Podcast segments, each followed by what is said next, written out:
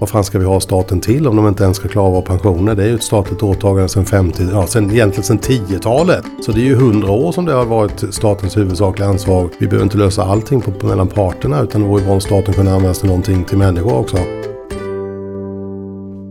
Våren 2019 handlar pensionsdebatten mycket om vårt pensionssystem och om högre pensionsåldrar. Men frågan är om alla kommer klara av att jobba längre och om systemet behöver förändras. Idag har vi tagit oss till den berömda LO-borgen i centrala Stockholm för att prata pension med LOs ordförande Karl Petter Thorvaldsson. Kul att få vara här och träffa dig och att du vill vara med i podden. Jättekul att få vara med! Berätta, vem är du? Ja, jag är ordförande i LO sedan sex år tillbaka. En metallarbetare från början som så småningom blev fackligt eh, och politiskt aktiv. Så jag har eh, ägnat mig åt fackliga frågor sedan början av 1980-talet. En av de frågor som har hängt med hela tiden har varit pensionsfrågan. Det blev rätt snabbt en, ett intresseområde så jag har, eh, jag har följt den här frågan i med och motgång i ja, snart 40 år. Ja, för det tänkte jag på. Om jag inte minns fel så var du SSU-ordförande sådär, liksom krisen 90-talet, när man nu ändå förändrade pensionssystemet. Det är några år sedan. Hur tänkte du kring pensioner då, om du nu minns det, och hur tycker du liksom att resultatet har blivit? Jag blev vansinnig när jag var SSU-ordförande. Då satt ju en eh, pensionsarbetsgrupp som eh, bestod av bara 40-talister. De höll på att skriva ett pensionssystem som skulle vara skyddande för de som var 40-talister och eh, sen från de som var födda 1953 så skulle de här försämringarna komma. Så de friskrev sig absolut själva. Och då blev jag eh, tokig. Och eh, det blev ju också rätt stora förändringar efter vårt eh, larm där från, eh, från ungdomsförbundet. Dels så eh, beslutet att ta in mer pengar eh, kom ju faktiskt från det. Och eh, också att man skulle eh, ha den mer eh, längre inbetalningsperioden så att också de med låga inkomster som börjar jobba tidigt får tillgodoräkna sig de, de första åren i arbetslivet också. Så vi fick ju en del förändringar därvid men jag blev, då blev jag väldigt, väldigt provocerad. Att de kunde friskriva en hel rekordgeneration innan de gjorde försämringar. Det tyckte jag var väl magstarkt.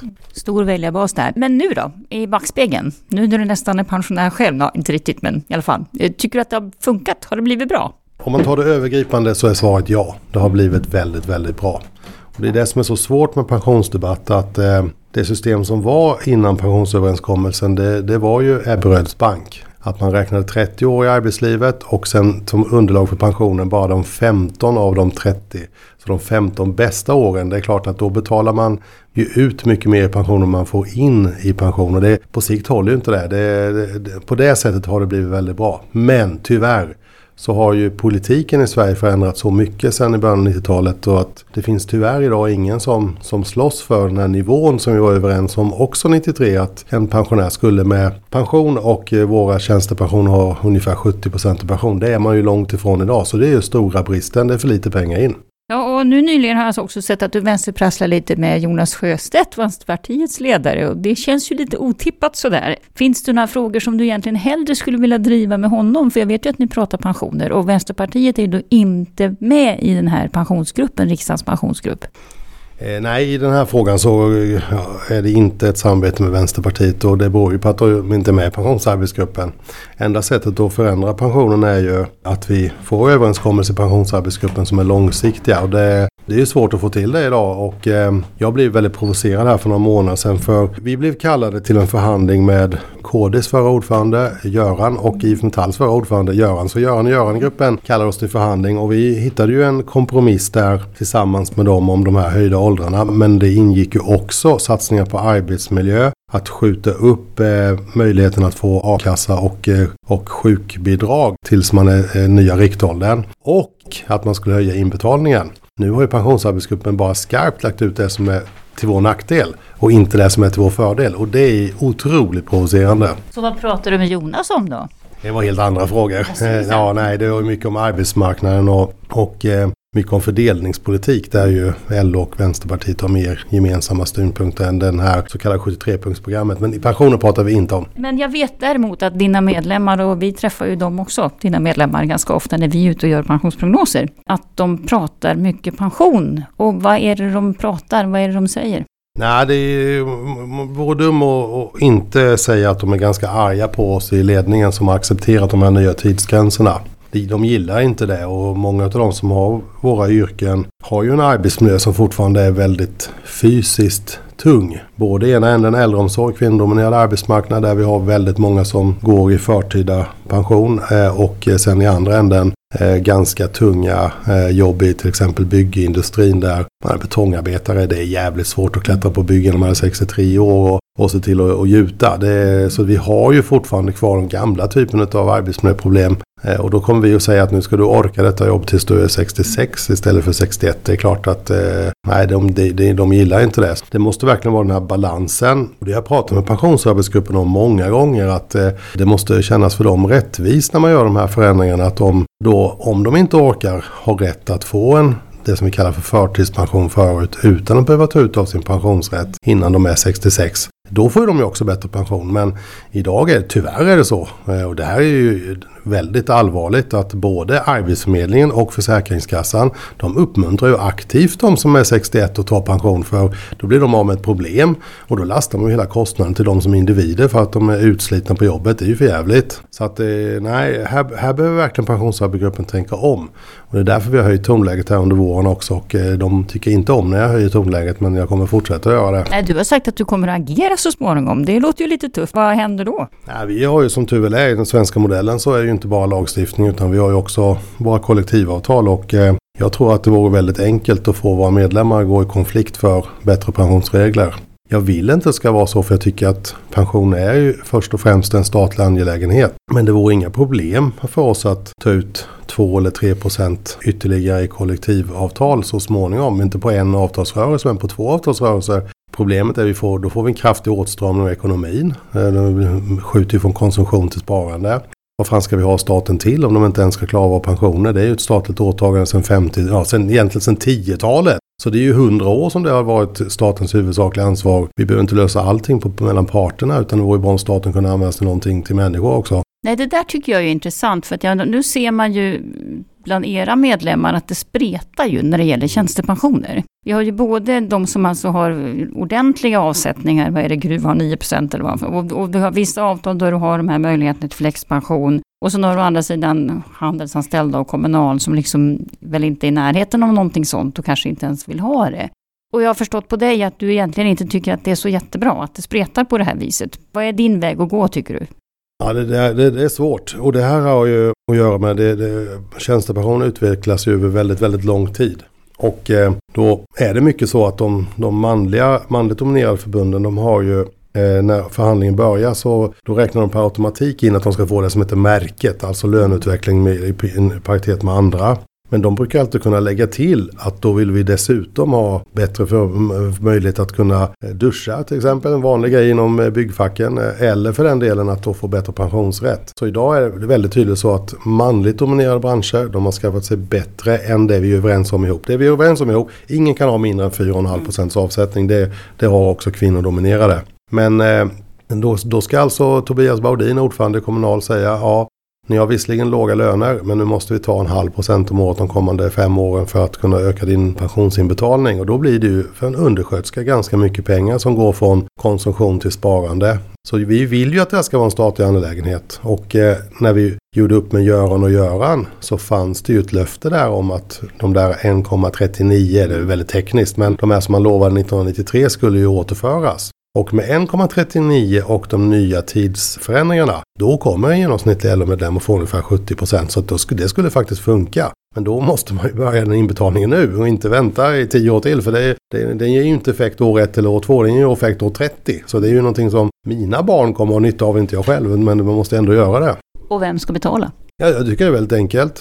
Idag så har vi ungefär 9,5 procent av det som arbetsgivaren betalar in i arbetsavgifter. Det går in till den statliga ekonomin eh, som mm. helhet. Det finns ett stort utrymme där så man får ta av det överskottet. Det är inte jättemycket pengar det här handlar om men vi, vi tror väl att det behövs ungefär med ökad medellivslängd ungefär 2 procent eh, ökad inbetalning. Då kommer vi kunna skydda för 70 procent. Och jag, det jag hotat med att säga att vi, om inte ni löser det så kommer vi lösa det själva. Jag vill inte göra det men vi kommer att göra det för jag kommer inte att se på när vårt pensionssystem igen blir folkpension. För det är ju det det är på väg att bli. Det är ju så låg nivå att det är på väg att bli ett grundskydd. Och sen måste vi då från parterna fixa resten. Det tycker jag är fel. Intressant. Pensionsstrejk. Vi väntar med spänning. När, när kommer den här? Nej, men det, det är ju inte omöjligt att det, Jag tror att det är en stor fråga redan nu i nästa års avtalsrörelse. Och det är ju det här är en stor fråga ute bland våra medlemmar. Och eh, de gillar ju inte de här ändrade tidsreglerna. Eh, det gör de verkligen inte. Och eh, om staten då inte levererar bättre arbetsmiljö. Det tror jag de kommer att göra. Och jag tror också de kommer att göra att man kan vara arbetslös och sjukskriven eller förtidspensionär. Det, det tror jag faktiskt de kommer att leverera. Men än så länge har vi ju bara vaga löften om den här höjda inbetalningen så den är jag osäker på om de verkligen står vid trots att vi har gått och kommit överens om det. Arbetsgivarna gillar ju inte heller höjningen av LAS-skyddet till 69 så eh, eh, det tror jag också de kommer att leverera så att våra medlemmar blir skyddade. De som vill jobba längre kommer få göra det. Och det är många som gör det och det är ju väldigt kul att vi har som folkhälsa så att de har vanliga jobb. är många som jobbar också efter 65 och 66 och många jobbar idag också från vanliga arbetare upp till 67 och 68. Ja, sen kommer jag på en mer filosofisk fråga i det här och då kan man ju liksom också fråga, vad är en rättvis pension då? Ja, rättvisa är ju omöjligt att, att, att, mäta och det är klart att om man skulle se på det som helhet så skulle vi naturligtvis vilja vara skyddade i vår inkomst hela livet. Men de systemen blir så dyra att eh, där får man ju ändå vara beredd för en kompromiss och eh, jag brukar alltid jämföra med min föräldrageneration. Min pappa var född i början av 20-talet. Han jobbade alla år man behövde för inom, inom ATP-systemet. Gick pension 1987. Han hade eh, 72 procent av sin tidigare lön i pension. Han levde ett jättebra liv ända fram till han trillade in. Hade han gått i pension idag så hade han haft ungefär 58 procent. Och det är klart att då tror jag vem som helst i Sverige kan tänka sig in i om man tar bort nästan halva inkomsten från en månad till en annan. Det är inte så jäkla lätt att klara ekonomin då. Så att det måste ligga någonstans eh, 70-75 om man ska ha ett bra liv. Och det är det vi är ute efter att man, man faktiskt ska få några lugna år när man kan ja, titta på någonting annat än väckarklockan på morgonen och göra andra saker och ändå ha ut någonting utav det. Ha råd att resa lite, ha råd att göra lite och även för vanliga löntagare så är det många som verkligen tycker att det är roliga år de där man kanske har hittat tillbaka till sin partner lite och ja, många saker som blir roliga i livet också. Det vill ju att alla ska få uppleva. Det är bra att vi får höra lite positivt också. Ja. Eh, men vad jag lägger in i frågan också lite grann som jag brukar fråga dina medlemmar också det är ju det här med alltså ska pensionen avspegla ditt arbetsliv eller ska det liksom vara någonting annat? För nu ibland som du säger då om grundskyddet, det är därför jag fastnar mm. i det. Att det inte spelar så stor roll hur länge du har arbetat och hur mycket du har arbetat. Att du får egentligen samma pension i alla fall. Det har ju kommit ett nytt uttryck i pensionsfloran, respektavstånd. Eh, hur ser du på det? Ja, det, ja, jag skulle gärna se ett respektavstånd, det skulle jag. Ehm, och framförallt det som vi, vi är ju väldigt varma, varma anhängare av det som kallas för arbetslinjen. Alltså att vi i varje tillfälle i livet ska eh, tjäna på att gå ut i arbete jämfört med att göra andra saker. Och där har vi ju inte minst då i kvinnodominerade branscher stora, stora kollektiv som kommer få grundpension. Ja, och samtidigt så tillhör jag en av de som försvarar grundpension också för annars blir det ju socialförsäkringskostnader eller försörjningsstöd ute i kommunerna. Så att det är bra att vi har den nya skyddsmekanismen för vår kommunala ekonomi och det är ju också i Sverige många som har kommit från andra länder även om de jobbar jättemycket och det gör de ju nu. Så är det klart att eftersom de har så få år här så vet vi att de kommer fastna i fattigdom om vi inte har de här garantipensionerna. Så att jag är inte beredd att säga att man med respektavstånd då ska sänka, men det är ju en del nej, som tycker nej. det. Utan i så fall så är det att höja och det är väl det vi försöker åstadkomma med, med höjda inbetalningar. Ja, vad skulle ett rimligt respektavstånd bli då? Är det liksom 2000 kronor mer i månaden eller liksom vad pratar vi om? Nej, jag tycker att det är mer. Det är, alltså folkpension och ATP var ju rätt stor skillnad på eh, 93. Utan det är ju då de här stora flyktinggrupperna som, och det är inte att vi då har sänkt utbetalningar, det har vi ju faktiskt inte gjort, utan vi har ju höjt eh, utbetalningar och det är för att skydda deras ålderdom också. Och det har ju då gjort att vi har tryckt upp botten väldigt högt i Sverige, det är ju nästan 10 000 kronor då. så det är ju jämfört med andra länder i, som lägsta pension är det ju väldigt, väldigt bra. Så att eh, jag tycker väl ändå att man ska om, om man ska utgå från det här med 70-75% av lönen så behöver man ju om man har jobbat ett helt arbetsliv så behöver ju pensionen ligga på åtminstone 20 000 kronor i ett, i ett vanligt LO-yrke. Någonstans där måste man upp och det är vi ju inte idag. Nej, där är vi verkligen inte idag. Eh, men du, sen brukar ju politiker också prata om det här med, med tjänstepensionen och avtalspensionen och de vill ju väldigt gärna anpassa åldrar och, och ja, synka helt enkelt de kollektivavtalade tjänstepensionerna med den andra pensionen. Och då är min fråga, kan de överhuvudtaget prata om det här? Gör det ont i dig? Hur känner du? Och, och lite grann är väl grundfrågan, det känns ju nästan som att de tycker att det här är en del av socialförsäkringssystemet. Eh, ja, jag tycker de ska hands-off eh, och det vet de att jag tycker. Men och i huvudsak så är de respektfulla mot våra system. Sen finns det väl saker där vi själva gjort misstag i, när vi har skrivit tjänstepensioner. Till exempel det här eh, möjligheten att trycka ihop det till väldigt få år. Vi ser ju idag att eh, det finns de, eh, man måste balansera där mellan egenmakt och samhällsansvar. För om det blir en massa fattigpensionärer som blir beroende av annan stöd då när man har levt upp sin tjänstepension på väldigt få år, då, då får vi förlora i andra änden. Och det tragiska är att det är alltid LO-medlemmar som får betala det, antingen via skatten då, så att vi kommer ju aldrig från kostnaden. Så då är det ju bättre att man, och vi, vi förhandlar ju faktiskt om det nu, att eh, att anpassa våra eh, tjänstepensioner till det här nya pensionssystemet. Dels den här åldern om 55 år till mm. exempel. Det, det, är klart att det är nu det är långt ifrån eh, eh vår pensionsålder om man behöva ta ut vid 55. Så att vi, vi pratar ju om det med motparten här. Eh, och vi behöver göra andra förändringar av tjänstepensionen som är viktiga. Vi behöver gå ner längre i åldrarna när man får tjänstepension så att eh, också de som har ett långt arbetsliv. och Det är många LO-medlemmar som börjar ofta när de är kanske 19-20 år. Till skillnad från de som pluggar så är de ofta 30 år när de börjar. Det är klart att för de 10 åren skulle man kunna få väldigt mycket bättre pension om man fick räkna alla åren där. Så vi har många förändringar vi behöver göra i tjänstepension också. Men det är inte staten utan det, det tar vi hand om i parterna och vi är jävligt bra på det dessutom. Och det låter som att du tycker att det är viktigare att sänka åldrarna än att höja dem uppåt. Att man så att säga skulle få för 66 och 67 också.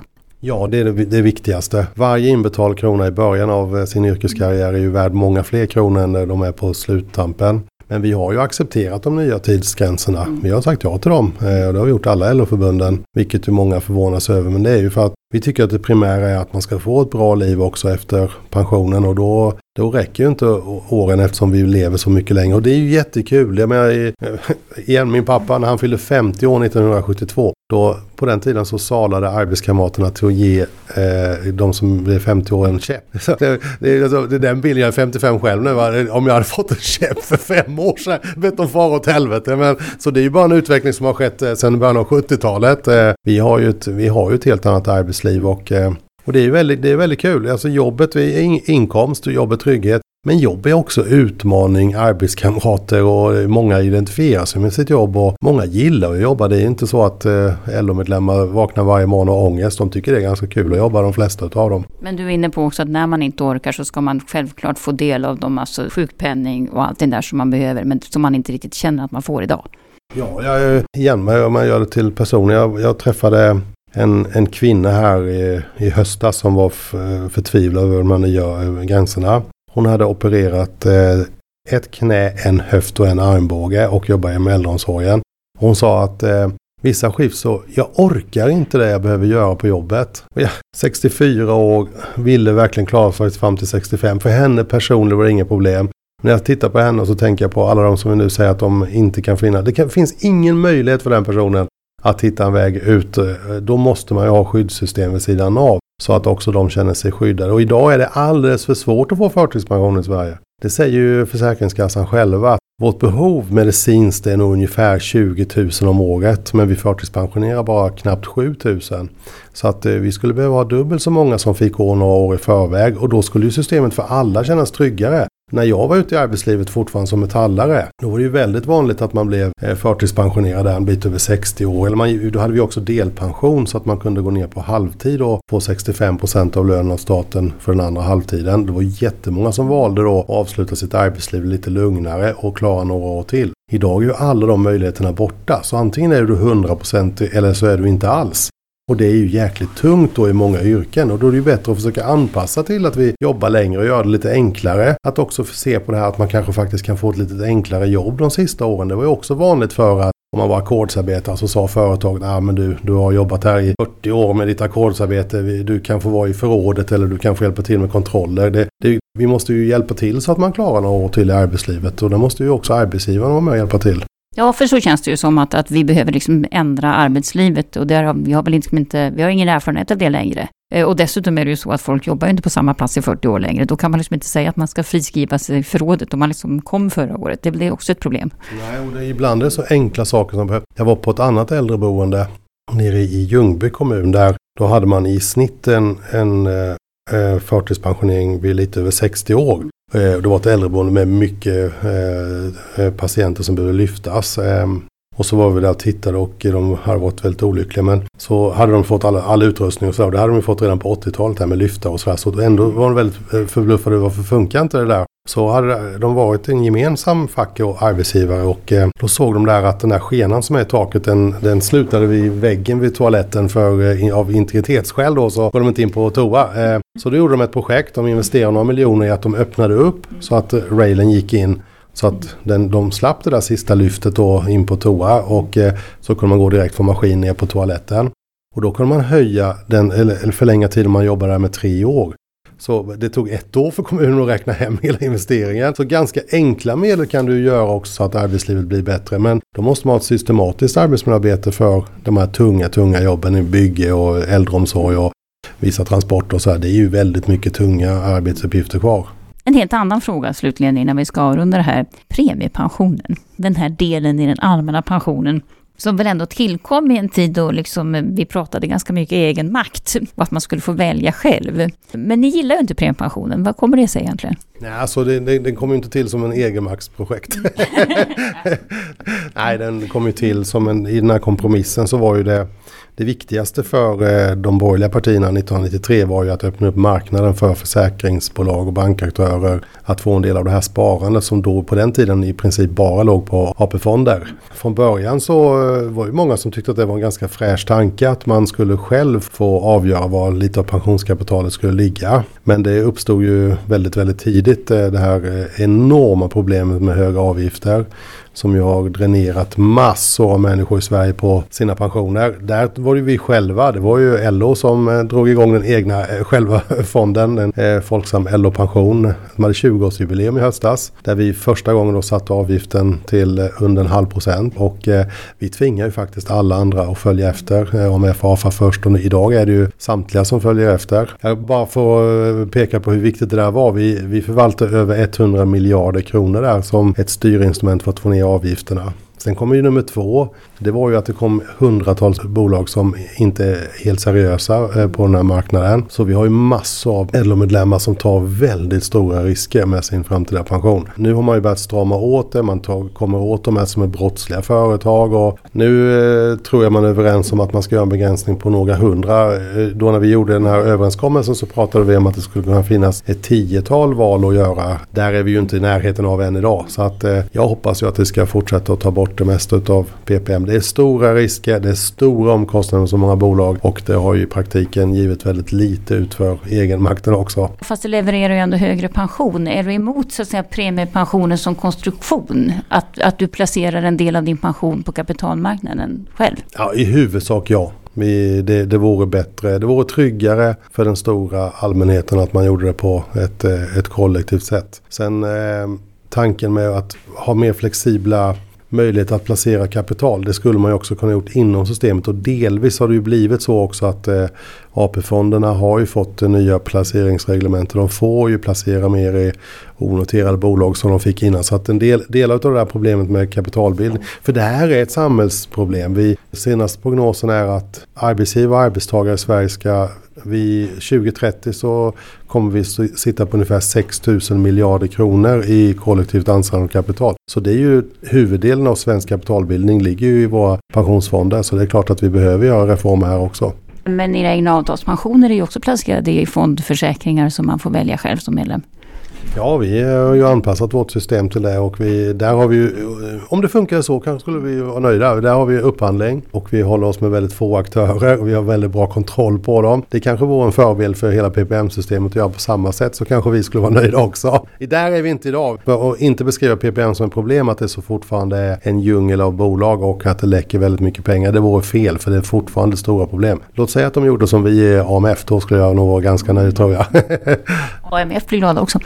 Om du fick bestämma helt själv, hur skulle då vårt pensionssystem se ut?